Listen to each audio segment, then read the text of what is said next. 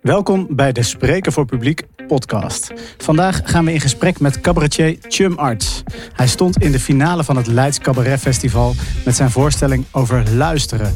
Over dat thema gaan we met hem in gesprek. Luister mee naar de Spreken voor Publiek podcast. Hi Chum. Uh, ik heb uh, voordat we beginnen, um, wil ik eigenlijk eerst even aan de luisteraar vertellen uh, waarom ik jou gevraagd heb om in deze podcast te komen. En ik zeg de luisteraar, want iedereen zit thuis uh, te luisteren. Uh, maar we gaan het met jou ook hebben over luisteren. Want ik heb jou gezien in de, ik denk de halve finale van het Leids Cabaret Festival. En daar zei jij iets bijzonders over luisteren. En toen dacht ik, dat is een mooi thema om het over te hebben in de Spreken voor Publiek podcast. Mm. Ja, ja, ja, nou ja, dat, dat klopt wel. Dat is wel een hoofdthema geweest van wat ik, wat ik in mijn voorstelling uh, behandel, zeg maar, het luisteren. En ik denk ook wel dat het voor mezelf steeds meer een les is geweest of zo van... Ja, dat voor spreken, als je het hebt over spreken voor publiek, denk ik dat luisteren, zeg maar, een, een, ja, een onderschat onderdeel daarvan is. Van het spreken. Ik bedoel, als je kijkt naar comedians alleen al, als we het daar nu over hebben, ja mensen denken vaak van comedies zijn extravert, maar bijna alle comedies zijn introvert. Ja, ik denk dat dat geen toeval is. Ik denk wel dat het komt omdat je dat op, het observeren van dingen, het juist kijken naar dingen, dat dat juist nog veel belangrijker is dan je vermogen om te spreken. Om uiteindelijk een goed verhaal te kunnen, kunnen maken. Dus ja. Jij hebt het nu over, over uh, comedians. Um, jij, jij, jij komt zelf wij kennen elkaar uit, uh, uit de, de comedy scene. Mm -hmm. Je staat nu als cabaretier op het podium, maar jij komt uit de stand-up scene, toch? Ja, klopt. Dus ik ben eigenlijk gewoon begonnen met me inschrijven voor Random Open Podia. En uh, ja, dat was ook wel grotendeels stand-up, maar ook wel gewoon van die open podiums letterlijk, weet je, als je tussen muziek stond en zo. Dat, dat is een beetje het mengsel van hoe ik ben begonnen.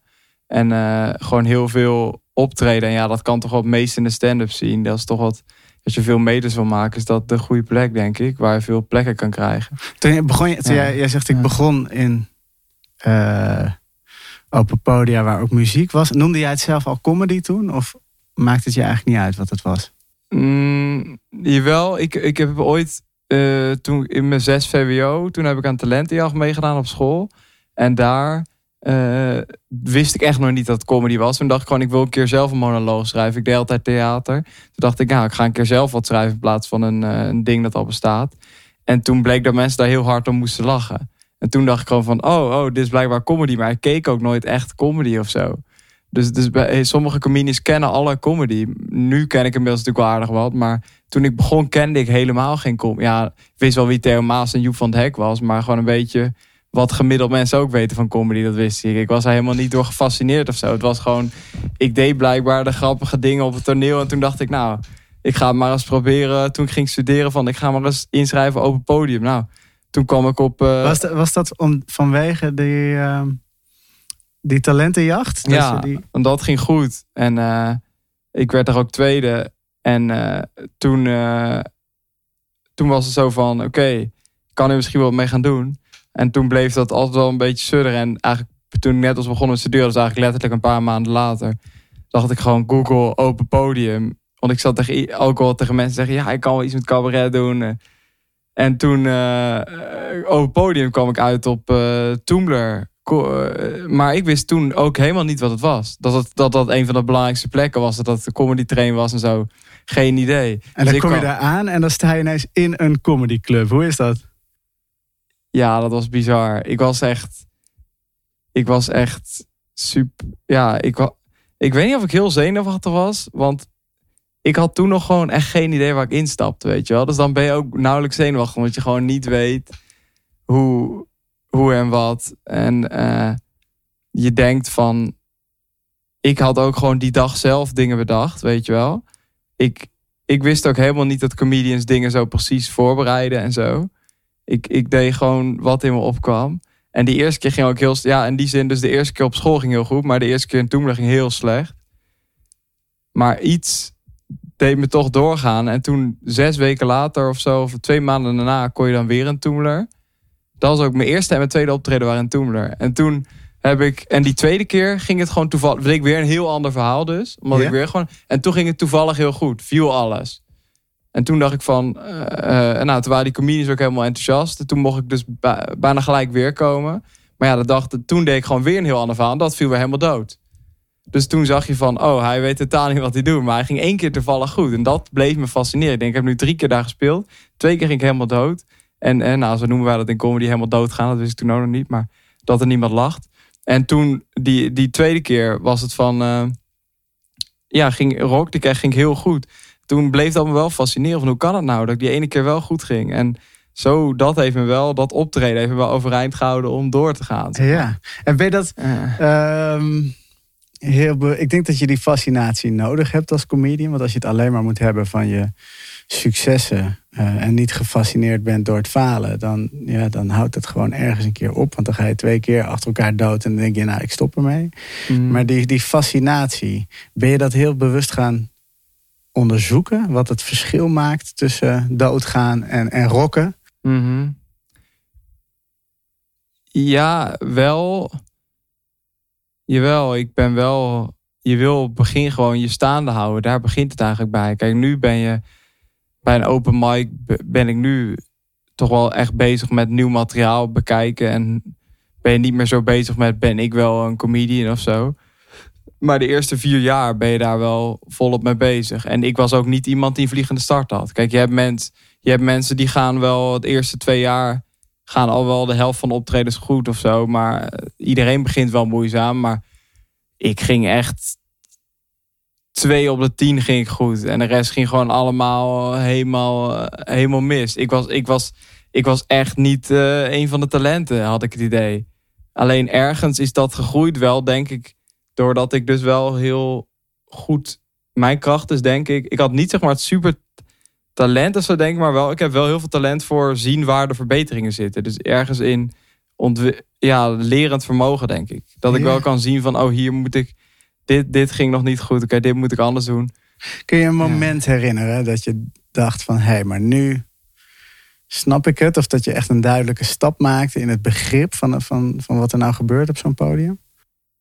Ik denk toch wel eh, Groningen Studenten Cabaret Festival. Dat deed ik in november 2014, dus dat is best wel lang weer geleden. Daar kwam ik echt uit het niks, kwam ik ineens door die auditie. Want ik deed pas een jaartje comedy en ik deed mee in die auditie. En in de stand-up circuit stelde ik niks voor. Dus ik dacht, nou, geen idee of ik hier doorkom. En toen was ik ineens door naar die laatste zes. En dan mag je een try-out door gaan doen. Mocht je ineens een half uur gaan spelen. En toen kwam ik er wel achter van, oh, dit ligt me wat meer. Omdat ik wat verhalend ben. En zo kon ik me wel een heel stuk sneller ontwikkelen. Want je krijgt dan ook een regie. En zij zei ook echt de eerste keer, ik trad op. En toen zei ze, na die eerste try-out, ging ze allemaal feedback geven. Van hier zou ik dit zinnetje even dit zo, zus en zo doen. Waar, eh, waarop ik zeg van, oh, dit zinnetje. Ik weet helemaal niet precies wat ik dan gezegd heb, joh. En toen kwam zij erachter van, shit, deze gast weet helemaal niet precies wat hij aan het doen is. En toen zei ze van, ik kan pas met je ver. Dat heeft echt zo'n ultimatum. Ik kan pas met je werken als je al je tekst hebt uitgeschreven. En Ja. toen, dat heeft me wel een eh, les geleerd van, je, dit is gewoon een vak waar je gewoon echt heel gedetailleerd bezig moet zijn met wat je gaat brengen. Ja. Hey, jij zei, eh, want eh, de luisteraar thuis zit al de hele tijd te wachten. Wanneer gaan ze nu dan terugkomen op het thema luisteren? jij zei gaandeweg, eh, of in het begin zei je gaandeweg mijn comedy eh, ervaring ben ik steeds meer gaan leren dat spreken niet alleen over spreken gaat, maar ook over, over luisteren. En hier noem je dan een voorbeeld eh, dat je te maken krijgt met een regisseur. Eh, bedoel jij dan met luisteren ook heel erg luisteren naar anderen, adviezen van anderen? Of Ja, dat eigenlijk ook wel.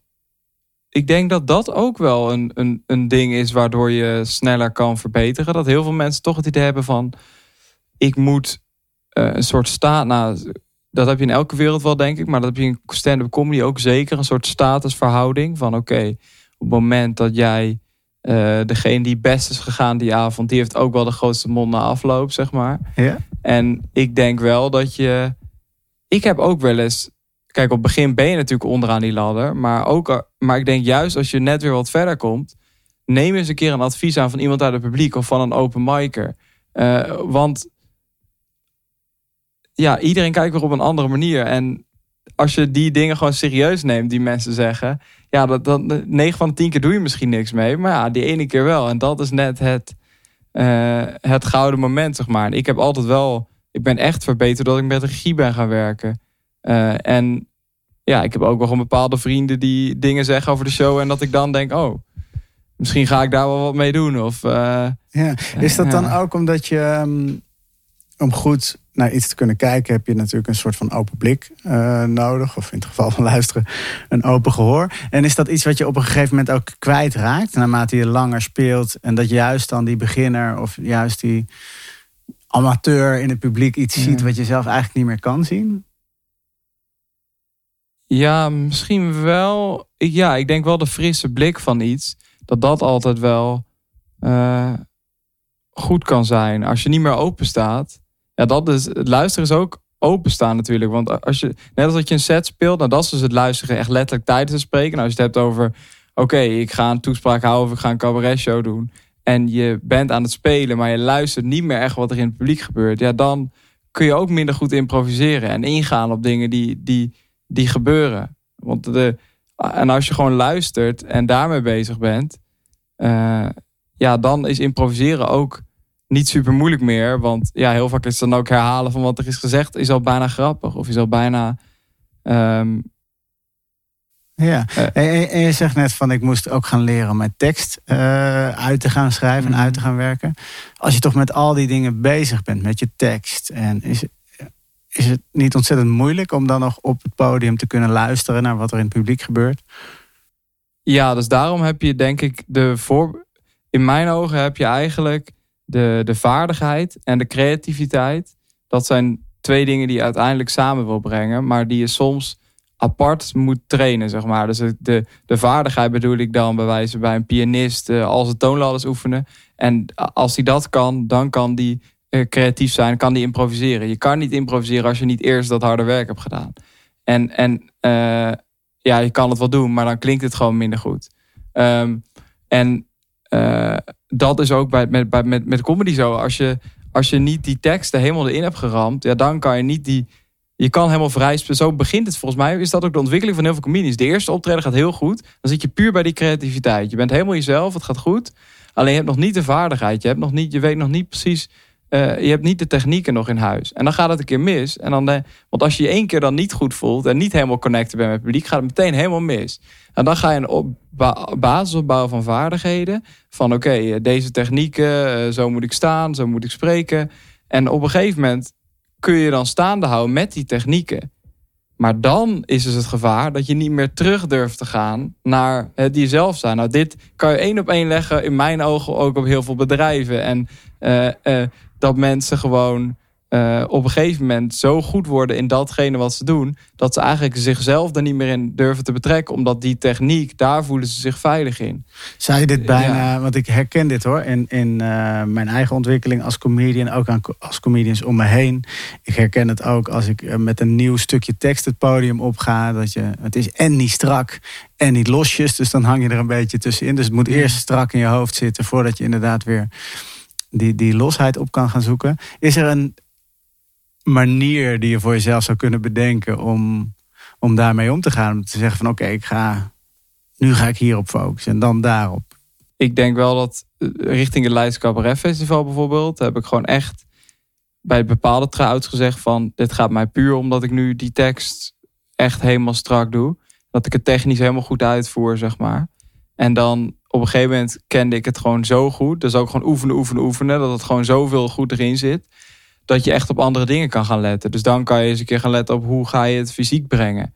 Uh, dan ga je eens een keer. En als je dat dan ook allemaal erin zit, dan ga je dus uiteindelijk bij het Leids Cabaret Festival. Kan ik gewoon zonder. Kijk, het liefst zit je natuurlijk helemaal erin. Maar bij wijze van spreken kon ik hem ook spelen. Terwijl ik denk van, nou, wat ga ik hiernaast doen? Uh, het gaat er gewoon allemaal vanzelf uit. Dat zit allemaal opgeslagen in je lichaam. En dat betekent dus dat dan het luistergedeelte. alle focus bij mij kon zitten op hoe het publiek reageert. Hoe ik daarop. Of moet ik nog even iets versnellen of vertragen omdat het publiek dit doet? Of eh, daar, dus dan heb ik alle aandacht eigenlijk voor luisteren. Ik hoef dat spreken, is het eigenlijk helemaal geen aandacht meer bijna bij. Het is bijna paradoxaal. Dus om goed te kunnen luisteren, moet je eerst heel erg strak uh, repeteren. Het is, uh, het, is, het is een mooie gedachte. Ik. Ja, laten we de, hiermee het eerste blokje even afsluiten. ja. En dan gaan we zo meteen verder. Ik wil meer weten over dat Leidse Cabaret Festival. Mm. Deze podcast is een initiatief van sprekenvoorpubliek.nl. En ik heb een leuk nieuwtje. Recent is ons boek uitgekomen. Het boek van mij en Esther van der Voort, waar ik in een eerdere aflevering over vertelde.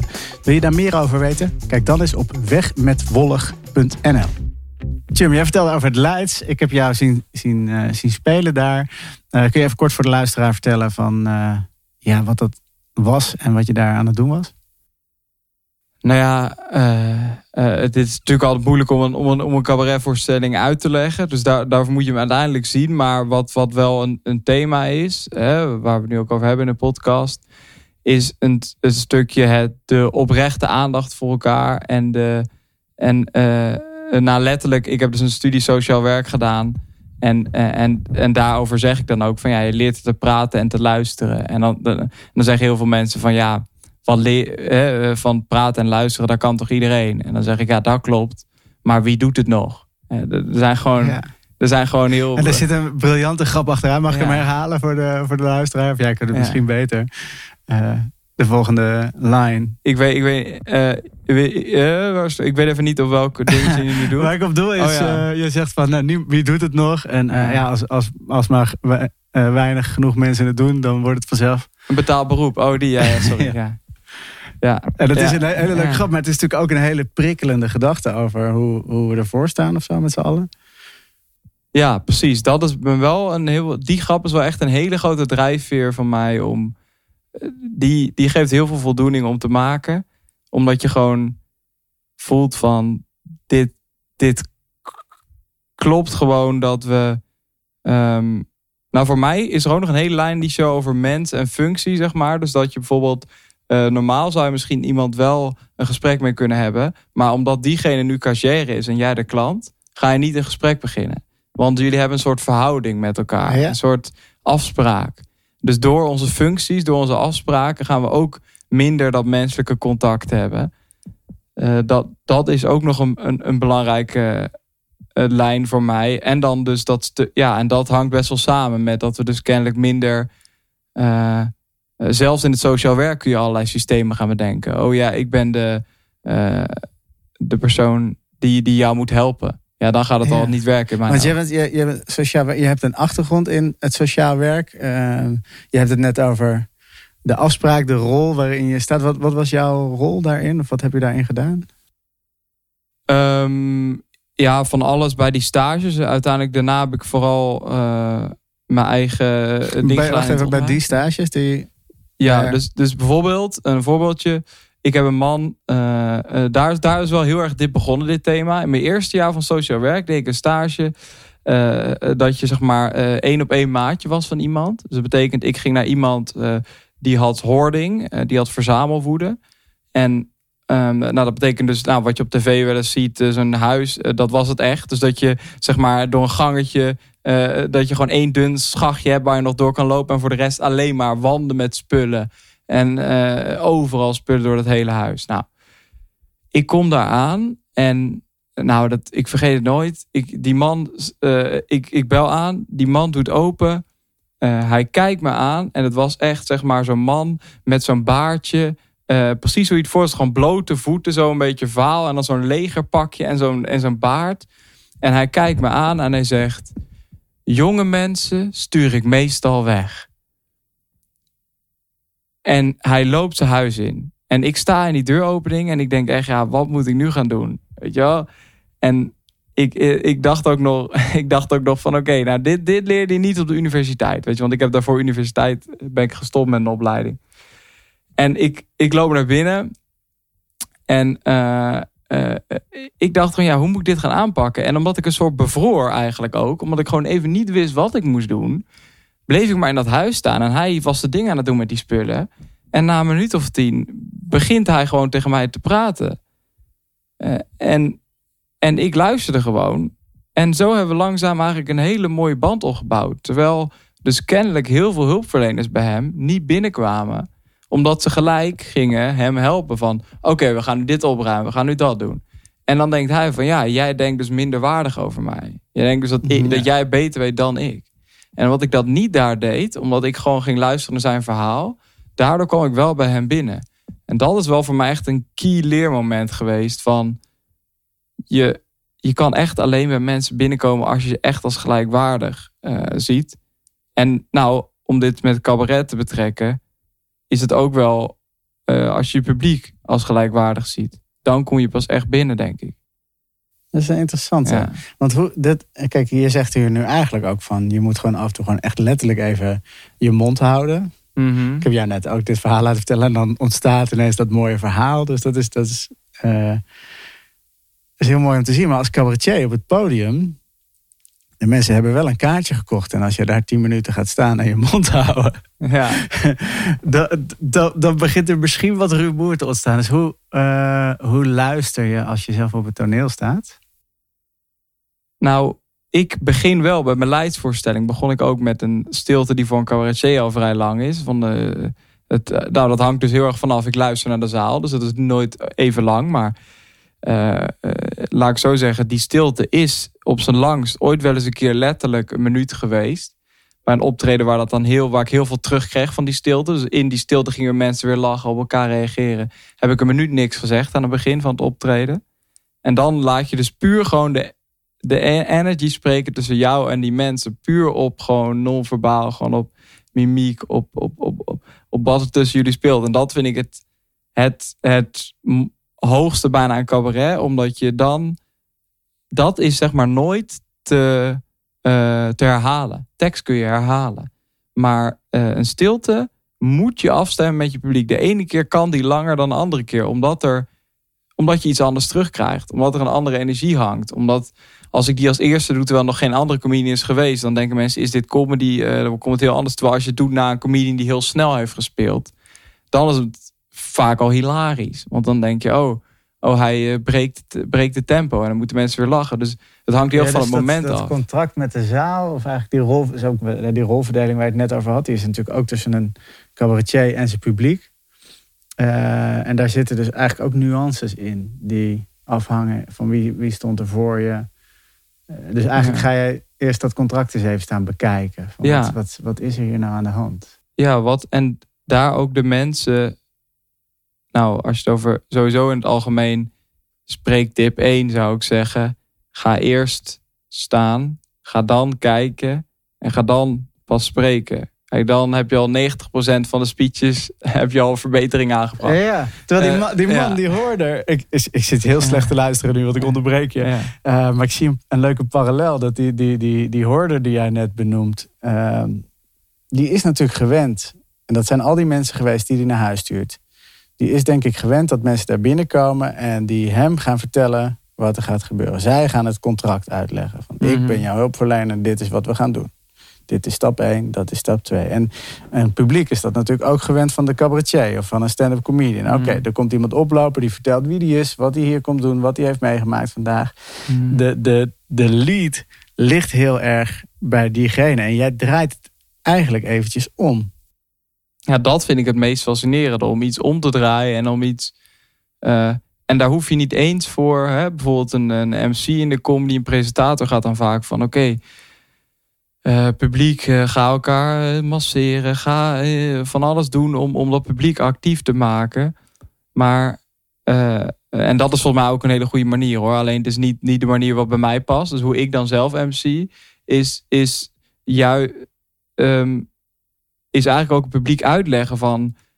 Ja, maar als jullie nu iets... iets uh, gewoon even als de cabaretier een grap maakt en je denkt... Uh, dit is niet zo leuk, knik dan nog steeds bemoedigend. Want als je hem aanmoedigt, als je hem. Als je hem dit, jullie hebben zoveel invloed. Het is zo. Bij de theaterweek nog. Voor, ik heb nu de theaterweek voor kinderen gedaan. Gingen we vijf dagen maken een stuk met een groep kinderen. Hadden we twee keer die voorstelling gespeeld, omdat door corona konden niet zoveel mensen in natuurlijk. Speel om zeven uur de eerste show. En er was heel weinig reactie uit de zaal. Uh, uh, ouders zijn dan toch, nemen hun kind vaak te serieus. dus dan, dan durven ze niet te lachen omdat ze denken, oh dit is heel plechtig of zo. Maar er, er kwam gewoon niks. En toen dacht ik, die kinderen die vonden dat jammer, weet je. Dat merkte ik gewoon in die, in die tussenliggende tijd. Dus ik dacht, ja, ik moet iets doen waardoor het publiek meer gaat reageren. Nou, exact dezelfde show. Alleen ik deed nu vooraf even een praatje waarbij ik zei van, eigenlijk als een soort comedy MC bijna van, eh, hey, als, u, als je iets, iets, iets grappig vindt, lach gewoon. Eh, als je denkt, ik wil applaudisseren, doe het gewoon, gooi het eruit. We zijn maar met weinig mensen, dus als je dit doet, dan gaan de kinderen ook weer beter spelen. Ik leg gewoon letterlijk uit van, dit gaat zo werken. Ja. En, en dan heb je natuurlijk ook nog het fenomeen van een applausje inzetten. Wat je een beetje moet. Dus dat deed ik ook wel nog op het begin. Dat ik een beetje zo het applaus aanzwel als eerste. En dan gaan mensen mee. Maar daardoor, de eerste twee keer dat ik dat even aanzwelde. En door dat toespraakje. Daarna hoefde ik niks meer te doen. Was het ineens de standaard. Dat ze naar elke scène gingen applaudisseren. Terwijl de vorige voorstelling, exact dezelfde voorstelling, niks. Grappig. Hè? En dat is gewoon de instelling die net mensen even hebben. een beetje ruimte geven en een beetje.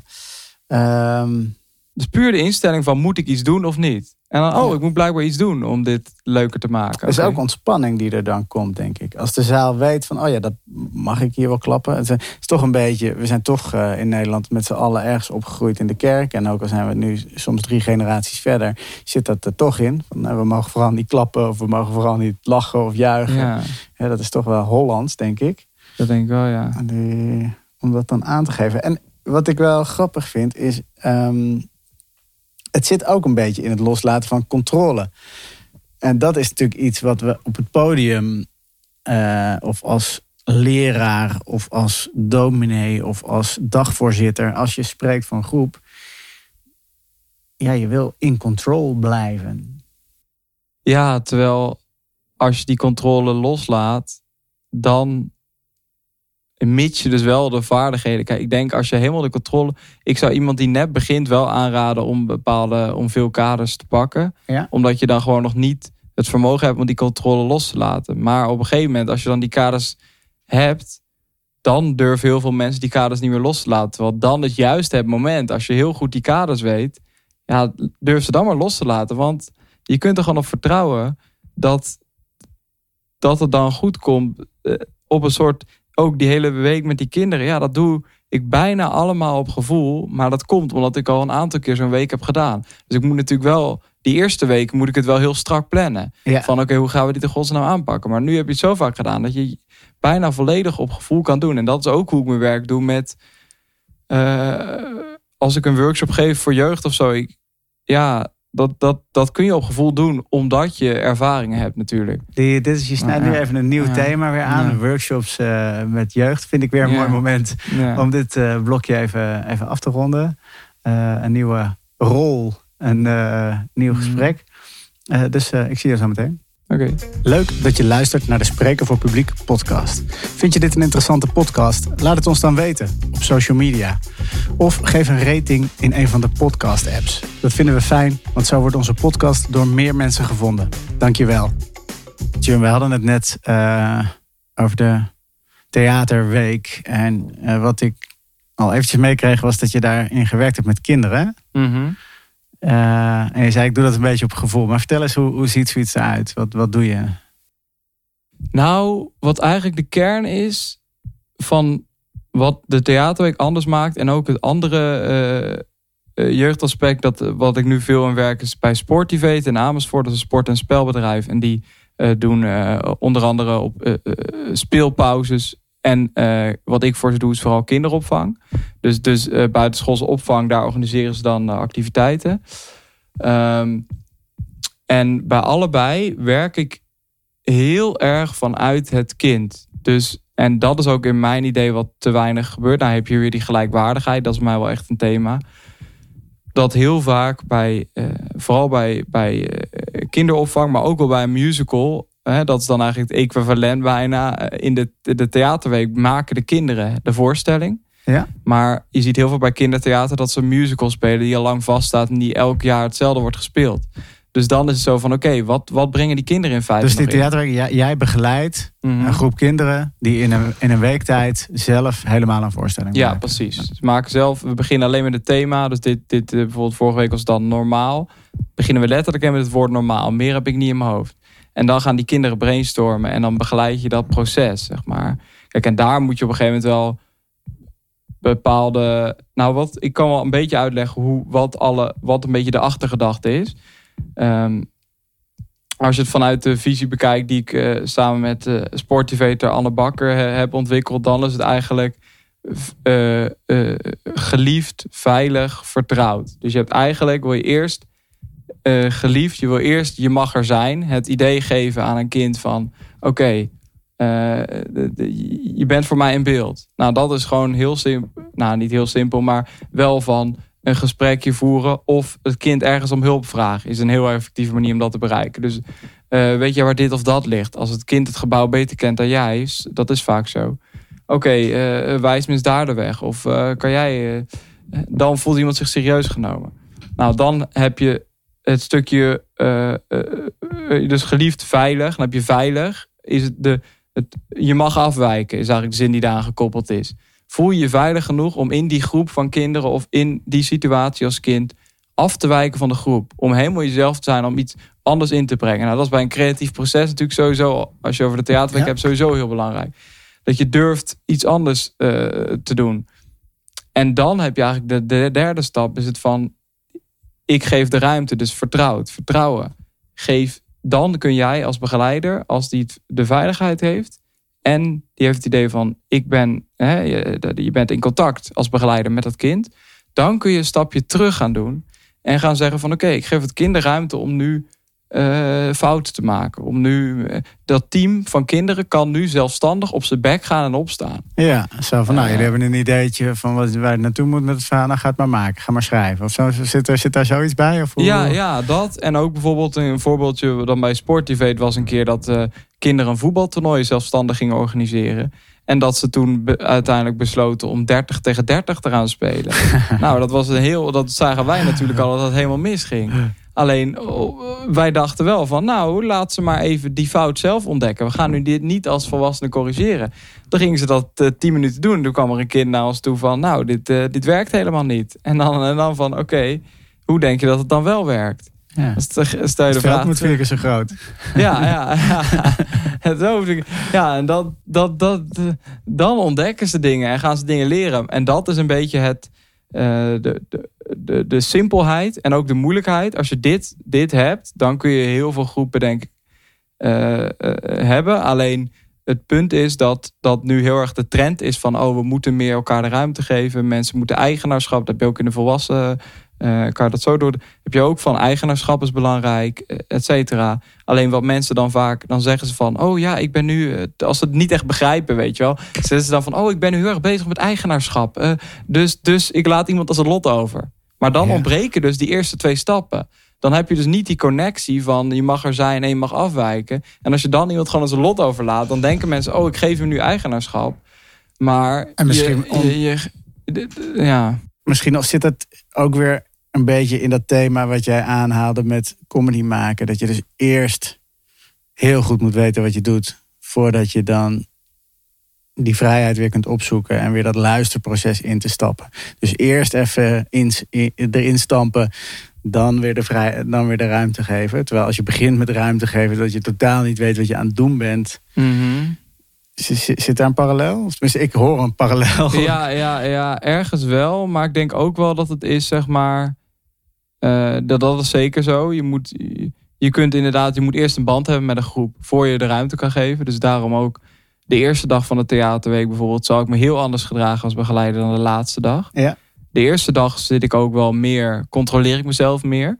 Dus in die zin, ik ben bewust van mijn acties... wat meer van ik moet de regels stellen. Dus ik ga geen uitzonderingen maken. Het is gewoon, dit zijn de regels nu.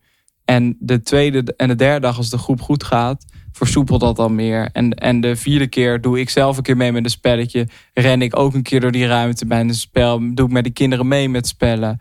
Uh, kan het allemaal wat losser, omdat ze al weten. Oké, hij doet nu mee met ons met rondrennen in die zaal. Maar uiteindelijk, als er iets gebeurt, gaat hij ingrijpen. Ja, dat weten ze vanaf dag één. En dat moet je wel, uh, moeten ze wel weten. Uh, dat gebeurt allemaal onbewust. Maar dat, dat is wel uh, van belang. En dat is ook, ik heb eens een keer een training gegeven aan, aan 26 docenten. Dat is wel mijn meest uitdagende ding wat ik met volwassenen heb gedaan. Ja? En toen was er ook een directrice van die school. Dat waren, dus was een school.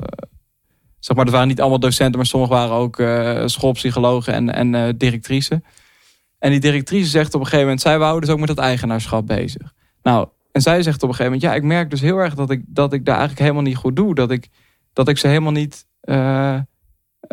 maar, maar, maar ze zegt van ja, maar hoe, hoe moet ik dit dan doen? Want ik, het is toch mijn taak om te controleren of die lessen goed gaan. Dus het is, mijn hele taak is hun controleren. Hoe kan ik, dan, hoe, kan ik dat dan niet doen? Dan, is zeg maar, dan doe ik mijn werk niet. Hoe kan ik hen dan alle, alle eigenaarschap eigenlijk geven over die les? Want dat dan.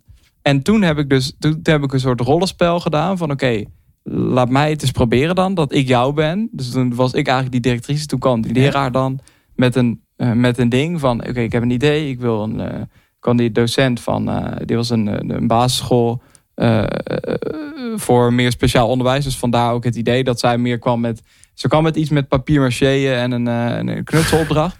um, Sorry dat ik hierop moet lachen ja, trouwens. Ja, Dit is gewoon even rond bevestigen. Nee om even te schetsen. Anders denk je, waarom komt ze daarmee? Maar daar, daar kwam ze mee. En toen, uh, en toen, toen zei ik dus van... Uh, uh, Oké, okay, maar heb je daar nog hulp bij nodig? Nou, nee. Oké, nou prima, ga maar doen. En dan net voordat ze wegloopt nog van... Oké, maar kom je wel even terug...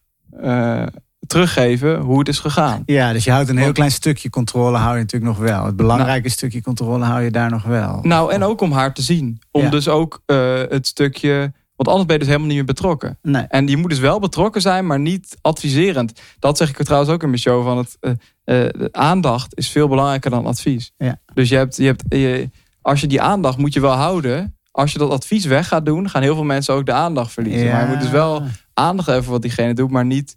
Uh, en als diegene ja had gezegd, had ook gekund. Dan kun je dus wel gewoon een heel gesprek hebben. Want sommige mensen hebben ook gewoon even advies nodig van iemand die kennis heeft van zaken natuurlijk. Ja. Uh, ja, dat kun, je natuurlijk, dat kun je natuurlijk halverwege ook nog een keer uh, vragen. Van goh, heb je, je zei net dat je geen hulp nodig hebt, kom je er, lukt het allemaal? Kom je eruit? Ja, ja, ja. Dus dat, dat is denk ik, um, ja, dat adviezen geven, dat, daar gaat heel veel, uh, ja, dat, dat is heel vaak niet nodig. Je moet mensen willen eerst het idee hebben dat ze, nou, als je kijkt naar een onderwijsraad of een ben dan één keer in april viral gegaan met zo'n post over de onderwijsraad. Maar dat is ook gewoon puur diezelfde lijn. Van dat mensen dus, al die docenten krijgen ineens een advies wat voor hen nergens op slaat. Nou, ja eigenlijk is de woede nog niet eens zozeer in dat het advies dat ze daar niet mee eens zijn. Want je krijgt wel eens vaker wat te horen waar je het niet mee eens bent. Maar het gaat om het idee, ik voel me totaal niet gezien. Wat eigenlijk heel grappig is als ik er zo over nadenk. Dat dat dus op een meterniveau. Want we moeten naar zelfsturend of zelfregisserend of naar vrijheid geven. En dat advies wordt dan toch weer voor bovenop opgelegd. Dus als je het heel op een soort metaniveau bekijkt. Ja. Dan is de hoogste laag, die is totaal niet aan het doen wat ze aan de laag daaronder uh, vertellen. Ja, precies. Exact dit. Ja, dat, dat is bijna hilarisch eigenlijk dat dat, dat gaat continu mis. Dat, dat, dat volgens mij die inderdaad dat ze zo zelfsturend concept willen doen, maar dat ze dan niet zelf. Uh, ik vind dus als je zo'n visie hebt, dan moet je er in alles aan vasthouden. Daar ben ik misschien soms ook wel te extremistisch in. Maar ja, dan, weet je wel, op school had ik dat dan ook bij mijn opleiding leerde die ook best wel dit soort dingen. En dan, maar dan vond ik ook dat, dat, dat de docenten dat dan ook in de eigen opleiding door moesten voeren. Nou, daar heb ik hele debatten over gehad. Dat, dat dat bleef doorgaan. Omdat ik gewoon zoiets had van nee, maar als je deze visie hebt, dan moet je dat ook. Uh, moet je er ook voor staan. Maar daardoor ga je er wel meer over leren, moet ik zeggen. Doordat ik er zo radicaal in stond, heb ik wel echt beter geleerd hoe dit werkt. Want ik begon ook met te veel vrijheid geven. En zo, al die fouten heb ik zelf gemaakt. Dat ik dacht dat ik me irriteerde aan mensen die te veel regels geven aan die kinderen. Dacht ik, ik geef helemaal geen regels. Nou, dan ging het ook helemaal mis. Toen dacht ik, oké, okay, je moet er nu wel ja, ja, precies. Uh, ja. Dus je bent, uh, grappig, je bent gewoon eerst een soort extremistische luisteraar geworden. Maar dan later... En dan toch, ja, dat is altijd de, de nuance is er altijd. De waarheid ligt altijd in het midden. Ja, alleen het, waar het wel radicaal blijft werken is gewoon die gelijkwaardigheid. Ik denk dat dat wel echt een kernwaarde is die ik steeds meer uh, ben gaan, gaan hebben. En dan kun je ook. Uh, nou, wij hebben bijvoorbeeld een oud deelnemer van de Theaterweek, die is pas 16, die gaat ons nu helpen. Ja, dan kun je. dan kun je ook heel makkelijk gaan vervallen in. eh, Ik ga jou eens even vertellen hoe we dit gaan doen. Maar ja, je kunt ook denken. Tuurlijk, op het begin zal ik eh, meer eh, aan haar geven dan andersom. Maar op een gegeven moment, je kunt ook denken, ja, ik laat me eens verrassen. Ik stel eens een vraag. Eh, wie weet, komt zij met iets waar ik gewoon nog totaal niet aan gedacht heb. En zeker met mensenwerk kan dat ook echt. Ik denk misschien met iets heel technisch of een vak, weet je wel. Mijn broertje doet dan elektrotechniek of zo. Ja, als je daar dan helemaal geen verstand van hebt, kun je misschien niet iets over zeggen. Maar mensenwerk is typisch iets, ja, iedereen heeft omgang met mensen. Dus er kan soms kan iemand ineens iets zeggen of ineens iets. Nou ja, en Ja. iedereen heeft een perspectief dat jij niet hebt. Dat is, eh, Ja, ik eh, wil gaan afronden en ik heb nog één vraag die spookt door mijn hoofd. Die ga ik je stellen en daarna ga ik je nog de ruimte geven om zelf nog één laatste boodschap Spitten, mee te geven ja. aan de wereld. Eh, de, de vraag die door mijn hoofd spookt is of dat, wat jij doet in, de, in die theatershow, hè, dus opkomen, niks zeggen en luisteren, wat je deed bij die hoorder, de gang inlopen, niks zeggen en luisteren. Hm. Of jij dat ook doet bij een groep met kinderen waar je voor het eerst voor staat. Ja en nee, dat hangt natuurlijk heel erg van de situatie af. Als ik de gelegenheid heb, dan doe ik het wel graag. Om een soort sp- spanning te creëren. Ehm, en wat ik heel erg heb geleerd voor de klas, is ook het volume aan te passen. Dat eerst had ik heel erg een theatervolume voor de klas. En dan gaan ze dus ook minder goed luisteren, kwam ik achter. Want dan hebben ze het idee, oh, ik kan ook gewoon met buurman praten, hoor ik hem nog. En als je gewoon eh, heel, daar komt het volgens mij vandaan dat docenten zo chill op zo'n tafel zitten, dat beeld. Als je dus heel rustig praat, heel zachtjes, dan denken ze van, oh, oh, ik moet echt even aandacht hebben, anders kan ik het niet horen. En dat heb ik toen wel geleerd. Dus ik ben veel zachter eh, gaan praten. Dus in die zin is het toch nog een soort verkapte stilte dan die, je, eh, die je gebruikt. Maar bij een groep kun je niet altijd de stilte houden omdat, ja, dan kan het ook zijn dat zij weer het overnemen. Dus je moet ook wel eh, in charge blijven natuurlijk. Eh, zeker klassikaal. Op zich, als je in groepjes werkt, hoef je niet per se in charge te blijven. Dan kan, kan je nog meer gelijkwaardig zijn.